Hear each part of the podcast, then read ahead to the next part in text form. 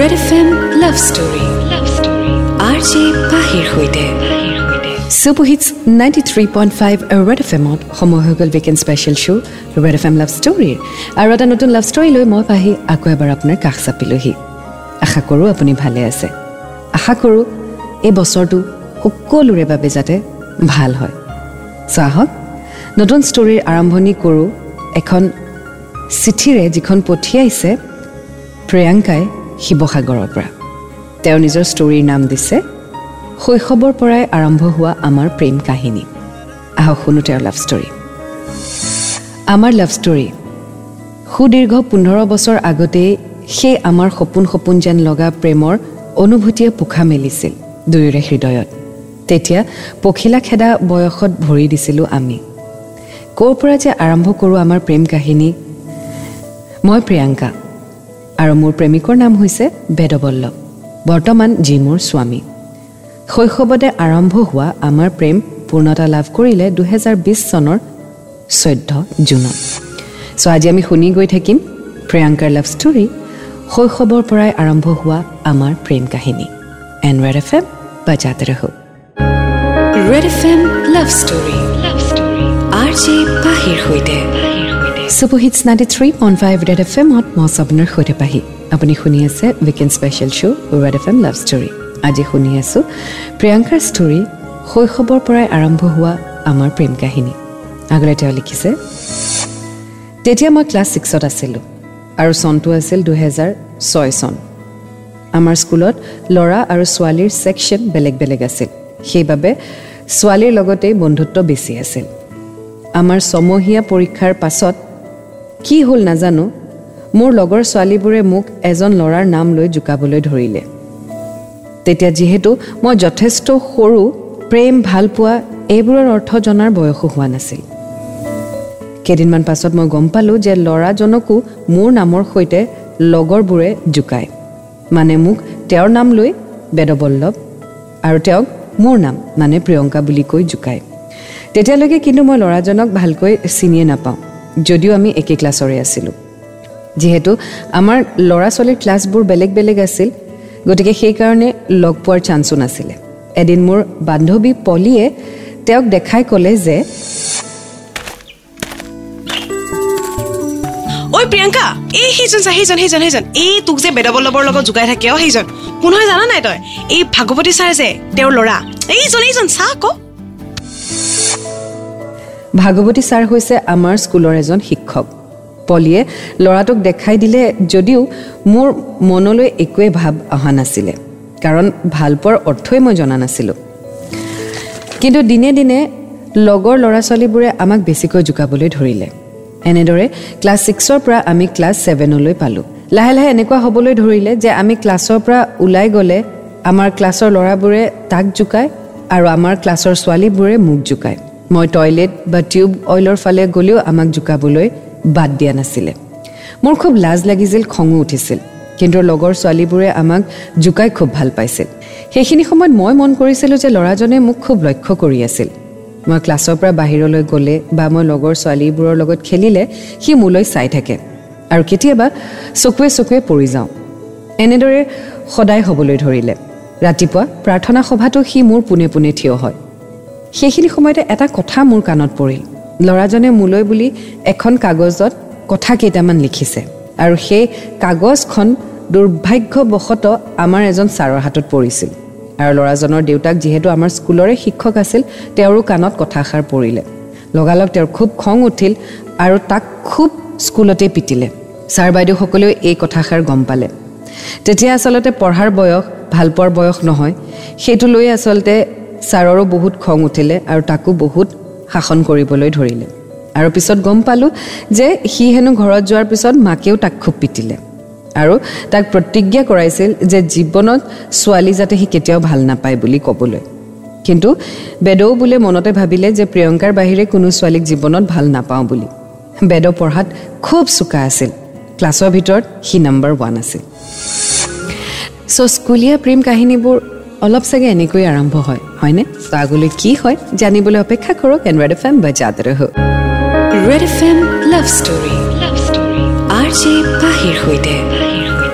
Welcome back show চলি আছে weekend special Red F M love story. মই আছোঁ আপোনাৰ সৈতে পাহি। আজি শুনি আছোঁ শৈশৱৰ পৰা আৰম্ভ হোৱা আমাৰ প্ৰেম কাহিনী প্ৰিয়ংকা আৰু বেদবল্লভৰ লাভ ষ্টৰী। আগলৈ তেওঁ লিখিছে সেই ঘটনাটোৰ পিছত সি বাইদেউসকলৰ আগত বহুত লাজ পাইছিল। আৰু মোলৈ চোৱা বন্ধ কৰি দিছিল। তেতিয়া আমি কথা পতাই নাছিলোঁ। কেৱল চকুৰ চাৱনিতেই আমি মনৰ কথা বুজি পাইছিলোঁ। সেই কথাটোৰ পাছৰ পৰা আমাৰ সেই ভাল লগা অনুভূতিবোৰৰো সিমানতেই যেন সমাপ্ত হ'ল। ময়ো তালৈ চোৱা বন্ধ কৰিলোঁ কিন্তু সি মোলৈ কেতিয়াবা চাইছিল। কিন্তু আগৰ সেই হাঁহি থকা চকুৰ চাৱনি নাছিল কাৰণ দেউতাকে তাৰ ওপৰত চকু ৰাখিছিল। এনেকৈয়ে স্কুলৰ দিনবোৰ পাৰ হৈ গৈ থাকিল। মোৰ কিন্তু খুব মনে মনে বেয়া লাগিছিল কাৰণ তাৰ প্ৰতি যেন কিবা এটা বহুত বেছি ভাল লগা অনুভৱ এটা আহি গৈছিল। কাকো ক'বও পৰা নাছিলোঁ এইবোৰ কথা। তেতিয়া স্কুলত বাৰ্ষিক ক্ৰীড়া মহোৎসৱ পাতিছিল। সেইদিনা আছিল দুহেজাৰ ন চনৰ ন ফেব্ৰুৱাৰী। মোৰ বান্ধৱী পলি আৰু বেদৰ বন্ধু মানসে প্লেনিং কৰি থৈছিল যে সিহঁতি সেইদিনা আমাক কথা পতাব। আৰু সেইবাবে পলিয়ে মোক ক'লে যে প্ৰিয়ংকা তোক বেদই হেৰি এই দমকলৰ পাৰলৈ মাতিছে ক্লাছৰ পিছত। আৰু বেদকো মানসে ক'লে যে ঐ বেদ শুনচোন। তোক প্ৰিয়ংকাই দমকলৰ কাষত মাতিছে।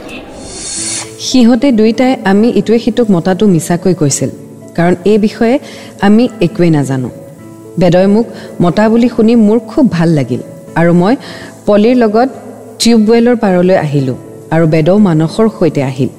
যেতিয়া মই চকুৰ আগত বেদক দেখিলোঁ মোৰ তেতিয়া তাৰ লগত কথা পতাটো দূৰৰে কথা তাৰ পিনে চাবলৈও লাজ লাগিছিল। আমি কিন্তু ইটোৱে সিটোক মাতেই দিব পৰা নাছিলোঁ। মোৰ অলপ খঙো উঠিছিল। ভাবিছিলোঁ ল'ৰা হৈ মোক এটা কথা ক'বলৈ তাৰ ইমান লাজ। অৱশেষত মানসেই কৈছিল প্ৰিয়ংকা? শুনা ইটো ক'ব নোৱাৰে ময়ে কৈ দিছোঁ ই তোমাক বহুত ভাল পায়। আৰু মোৰ হৈ পলিয়ে বেদক কৈছিল। আৰে ইও একে একে ছেম তাইও একো ক'ব নোৱাৰে বেদ তাই তোমাক বহুত বেছি ভাল পায় আৰু আজিৰ পৰা তোমালোক বয়ফ্ৰেণ্ড গাৰ্লফ্ৰেণ্ড হৈ গ'লা। আমাৰ ভালপোৱাৰ আৰম্ভণিৰ সময়ছোৱাত পলি আৰু মানসে বহুত সহায় কৰিছিল। তাৰ বাবে মানস আৰু পলিক অশেষ ধন্যবাদ জনালোঁ এই সুযোগতে। Well it's too early to decide if you are ready to get into a relationship but সেইটো সময়তনো কোনে ৰিয়েলাইজ কৰে হয়নে? You are at a very tender age and কেতিয়াবা এনেকুৱা হয় যে যাক আমি প্ৰথমবাৰ লগ পাওঁ তেওঁকে খুব ভাল লাগি যায়। আৰু আমি ডিচাইড কৰোঁ যে তেওঁকেই আমি চিৰজীৱন নিজৰ লগত ৰাখিম বা আমাৰ পাৰ্টনাৰ বনাম। But sometimes you are very lucky to find your love at a very early age but sometimes it is not আৰু প্ৰিয়ংকা আৰু বেদবল্লভৰ ক্ষেত্ৰত সেইটোৱে হৈছে। They found love at a very early age but ইমান আৰ্লি এজত প্ৰেমত পৰিলে যে সহজ হ'ব বা একদম ইজিলি আপুনি অভাৰকাম কৰিব পাৰিব সেইটো চাগে নহয়। কিয়? কাৰণ যেতিয়া আমি আগুৱাই গৈ থাকিম এই ষ্টৰীৰ সৈতে আপুনিও গম পাই গৈ থাকিব। চ' ষ্টে টিউন এণ্ড বজাতে ৰহো। Red F M love story love story R J পাহিৰ সৈতে।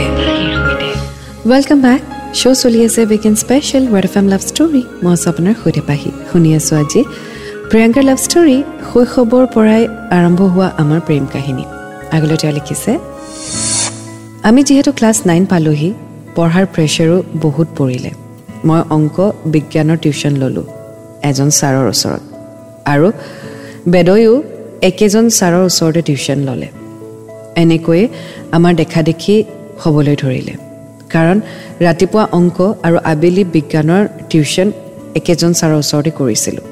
টিউশ্যনতো বেদ সদায় মোৰ পোনে পোনে বহিছিল। লাহে লাহে আমি কথা পাতিব ধৰিলোঁ। মই টিউশ্যনলৈ খোজকাঢ়ি আহিছিলোঁ আৰু বেদ চাইকেল লৈ আহিছিল।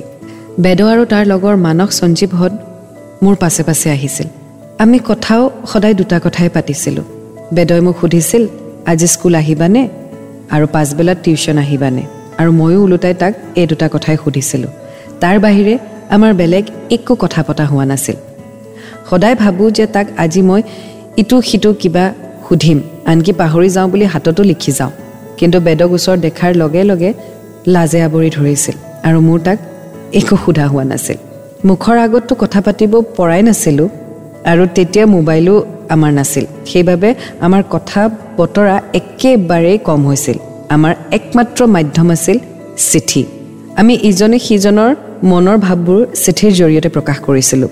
চিঠি লিখাৰ আমেজেই সুকীয়া আছিল তেওঁৰ পৰা চিঠিখন পোৱাৰ পাছত ঘৰত কিতাপৰ তলত লুকুৱাই বা বাথৰুমত সোমাই পঢ়াৰ যি আমেজ সেয়া আজিকালি ল'ৰা ছোৱালীয়ে কেতিয়াও অনুভৱ কৰিব নোৱাৰিব।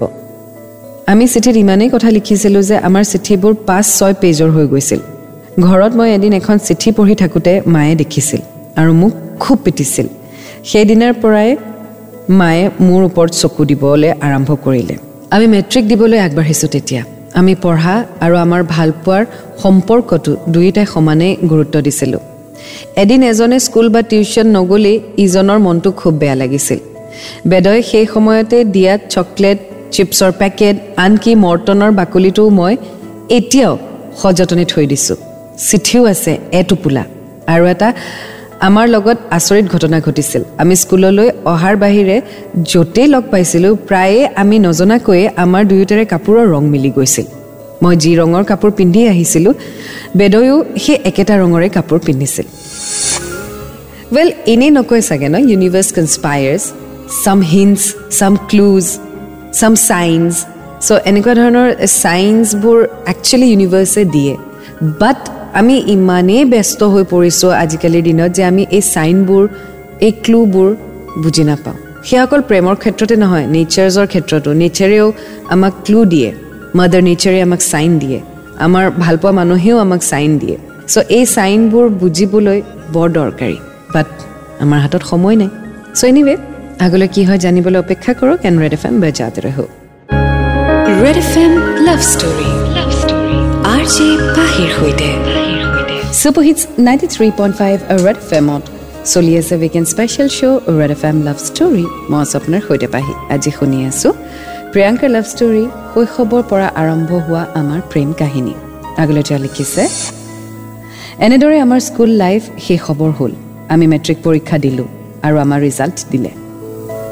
বেদৰ মেট্ৰিকৰ ৰিজাল্ট বহুত ভাল হ'ল আৰু সমস্যাটো আহিল এইখিনিতেই কাৰণ এতিয়া যে আমি বেলেগ বেলেগ কলেজত পঢ়িব লাগিব মোৰ খুব ভয় আৰু দুখ লাগিছিল। মই নাজানিছিলোঁ যে বেদই ক'ত এডমিশ্যন ল'ব কাৰণ তেতিয়া মোবাইল নাছিল। আমাৰ আৰু চিঠিৰো আদান প্ৰদান নোহোৱা হ'ল। এডমিশ্যনৰ সময় আহিল আৰু মোক মা দেউতাই শিৱসাগৰ জুনিয়ৰ কলেজত এডমিশ্যন দিলে। এডমিশ্যন ল'লোঁ যদিও মোৰ মনটো অলপো ভাল লগা নাছিল কাৰণ বেদৰ একো খবৰেই পোৱা নাছিলোঁ। সি ক'ত পঢ়িব জনা নাছিলোঁ কিজানি মই বেদক হেৰুৱাই পেলাম। সেয়া ভয় মোক দহিছিল। আমাৰ higher secondary first year class আৰম্ভ হৈছিল আৰু মই শিৱসাগৰৰ জুনিয়ৰ কলেজলৈ বুলি ওলালোঁ ঘৰৰ পৰা। আহোঁতে ভগৱানক বহুত প্ৰাৰ্থনা কৰিলোঁ যে বেদক যেন মোক লগ পোৱাই দিয়ে। মই গৌৰীসাগৰৰ তিনিআলিত মেজিকত উঠিলোঁ কলেজলৈ বুলি। আৰু শিৱসাগৰত নামি এখন ৰিক্সা ল'লোঁ। ৰিক্সাত উঠি কলেজ পাওঁ পাওঁ অৱস্থাতে হঠাৎ দেখিলোঁ এটা ঘৰৰ পৰা বেদ ওলাই আহিছে। শিৱসাগৰৰ গভটৰ হায়াৰ ছেকেণ্ডেৰীৰ ইউনিফৰ্মযোৰ পিন্ধি। তাক দেখি মোৰ খুব মাতিবলৈ মন গ'ল। চিঞৰি কিন্তু মই মাতিব নোৱাৰিলোঁ। সিও মোক দেখিলে আৰু দুয়োটাই চকুৱে চকুৱে পৰি কেৱল হাঁহি এটাই মাৰিলোঁ। মই পাৰ হৈ গুচি আহিলোঁ। আমাৰ ফটককৈ মাতিব নোৱাৰা কাৰণ হ'ল আমি তেতিয়ালৈকে ফ্ৰী হ'বই পৰা নাছিলোঁ। মনৰ কথা খুলি সন্মুখত কথা পাতিও পোৱা নাছিলোঁ। কেৱল চিঠিতহে কথা পাতিছিলোঁ। সেই সময়ত মোৰ খুব মনটো ভাল লাগিছিল। বেদক যে দেখিলোঁ মই অন্তত মই সদায় এনেদৰে ৰিক্সাত পাৰ হৈ যাওঁ আৰু বেদয়ো মোক চাবলৈ তাৰ ভাড়া ঘৰৰ পৰা বাৰাণ্ডাত ৰৈ থাকে। মই সিহঁতৰ ঘৰৰ আগেৰে ৰিক্সা পাৰ হৈ যোৱাৰ পাছতেই বেদয়ো কলেজলৈ ওলাই যায়। That is so' sweet right so' আগলৈ কি হয় জানিবলৈ অকণমান অপেক্ষা কৰক এণ্ড ৰেড এফ এম বেজাত ৰহো। Red F M love story love story R J পাহিৰ সৈতে। ৱেলকাম বেক শ্ব' চলি আছে weekend special Red F M love story মই আছোঁ আপোনাৰ সৈতে পাহি আজি শুনি আছোঁ প্ৰিয়ংকাৰ লাভ ষ্টৰী শৈশৱৰ পৰা আৰম্ভ হোৱা আমাৰ প্ৰেম কাহিনী আগলৈ তেওঁ লিখিছে কেইদিনমানৰ পিছত মই এটা মোবাইল ল'লোঁ আৰু এদিন বেদক কলেজলৈ আহোঁতে মোৰ মোবাইল নম্বৰটো দিলোঁ আৰু বেদয়ো মোক তাৰ মোবাইল নম্বৰটো দিলে কাৰণ বেদই তেতিয়া মোবাইল লৈছিল তাৰপাছত আমি মোবাইলত কথা পাতিব ধৰিলোঁ মোবাইলত কথা পতাৰ পাছৰ পৰা আমি বেছিকৈ ইজনে সিজনৰ লগত ফ্ৰী হৈ গ'লোঁ বেছি ভালদৰে বুজিবলৈ ল'লোঁ। এদিন আমি ভাবিলোঁ যে দুয়োটা একেলগে ক'ৰবাত ফুৰিবলৈ যাম বুলি। আৰু আমি তলাতল ঘৰলৈ গ'লোঁ। আমি দুহেজাৰ ছয় চনৰ পৰা দুহেজাৰ বাইছ চনৰ এই সময়ছোৱাত লগ কৰিবলৈ বুলি ক'তো যোৱা নাছিলোঁ। সেয়া আছিল প্ৰথম। এনেদৰে হায়াৰ ছেকেণ্ডেৰী পৰীক্ষা পালেহি। যথাসময়ত পৰীক্ষা দিলোঁ আৰু ৰিজাল্টটো দিলে। এতিয়া আকৌ চিন্তা হ'ল ক'ত পঢ়িম। কি হ'ব? কাৰণ দুয়োটাৰে লক্ষ্যও বেলেগ বেলেগ। এতিয়া আমি একেটা জেগাতে থাকি পঢ়াটো সম্ভৱ নহয়। বেদই বিজ্ঞান শাখাত সুখ্যাতিৰে উত্তীৰ্ণ হ'ল আৰু ইঞ্জিনিয়াৰিঙৰ এণ্ট্ৰেঞ্চতো উত্তীৰ্ণ হ'ল অৰ্থাৎ পঢ়িবলৈ ছিট পালে। খবৰটো শুনি মোৰ বহুত মনটো ভাল লাগিলে যদিও ভিতৰি ভিতৰি বহুত বেয়াও লাগিছিল কাৰণ বেদ মোৰ পৰা দূৰত থকা কথাটো মই সহ্য কৰিব পৰা নাছিলোঁ। কিন্তু উপায়টো নাই পঢ়িবতো লাগিবই। তেতিয়াহে আমাৰ ভৱিষ্যতৰ সপোনবোৰ আমি দিঠকলৈ পৰিণত কৰিব পাৰিম। অৱশেষত বেদ যোৰহাটলৈ গ'ল ইঞ্জিনিয়াৰিং কৰিবলৈ আৰু মই শিৱসাগৰ ছোৱালী মহাবিদ্যালয়ত অসমীয়াত মেজৰ লৈ ডিগ্ৰীৰ এডমিশ্যন ল'লোঁ। এই সময়ছোৱাত আমি দূৰত থাকিও আমাৰ সম্পৰ্কটো বজাই ৰাখিছিলোঁ ভালদৰে। তিনি বছৰ আমি এনেদৰেই পাৰ কৰিলোঁ। কেতিয়াবা মোক লগ কৰিবলৈ বেদ শিৱসাগৰলৈ আহিছিল চ' সেই স্কুলৰ পৰা আৰম্ভ হৈ এতিয়া তেওঁলোকে নিজৰ নিজৰ ডিগ্ৰী কমপ্লিট কৰিবলৈ ওলাইছে। বাট তেওঁলোকৰ ফিলিংছত একো পৰিৱৰ্তন অহা নাই। যদিও তেওঁলোক বেলেগ বেলেগ কলেজত সোমালে এতিয়া ফৰ ফাৰ্ডাৰ ষ্টাডিজ তেওঁলোক আৰু দূৰলৈ গৈছে বাট তথাপিও তেওঁলোকৰ ফিলিংছত একো চেঞ্জেছ অহা নাই।